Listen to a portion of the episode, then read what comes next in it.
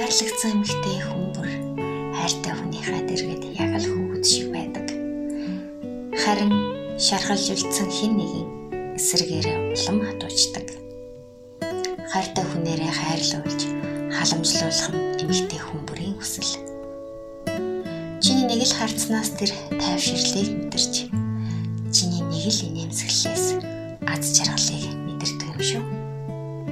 Сайн бацгаана уу шимэд хүргэе. 7 хоног бүрийн 2 дахь дөрөв дэх 7 дахь өдрүүдэд хятад хэл дээр хүргэдэг хайрын үйлчлэг маань эхлэхэд бэлэн боллоо.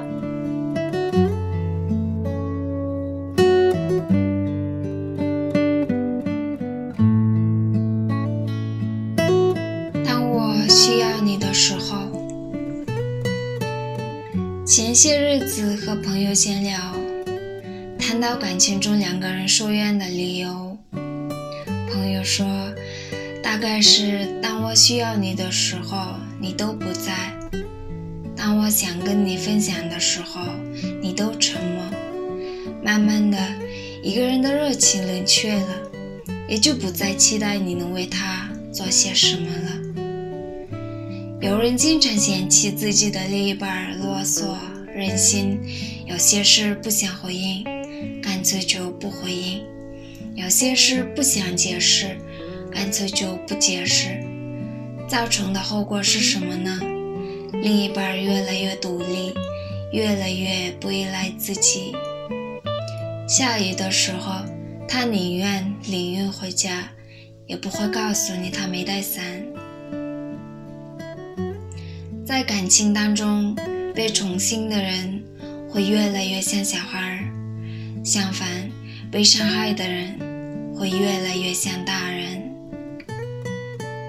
如果一个女人依赖你，说明她在信任你；如果一个女人关心你，说明她在乎你。